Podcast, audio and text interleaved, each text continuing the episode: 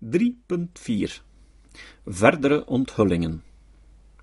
Zoals Freud in zijn latere levensjaren min of meer toegaf, maar helaas zonder er de gepaste theoretische conclusies uit te trekken, was zijn carrière een aaneenschakeling van therapeutische mislukkingen. Historici wezen niet alleen uit dat Freud nagenoeg geen enkele van zijn beroemde patiënten, de Wolfman, Dora, Elisabeth von R., Cecilia M., heeft genezen, maar dat hij met zijn autocratische en wilde therapeutische methodes een puinhoop heeft gemaakt van nagenoeg al zijn gevalstudies.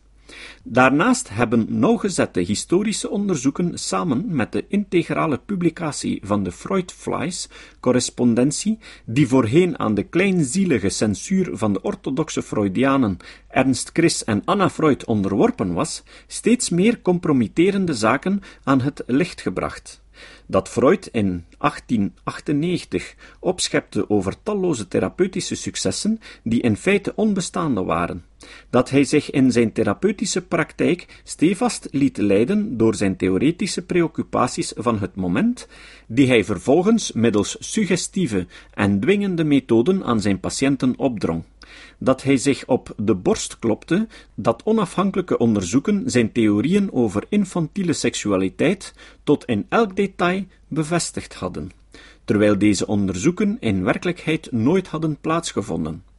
Dat hij zijn meest geroemde analyses in de droomduiding en de psychopathologie van het dagelijkse leven verzonnen heeft, dat hij doorheen zijn hele carrière, zoals Peter Kramer het verwoordde, stretched facts on the Procrustine bed of theory.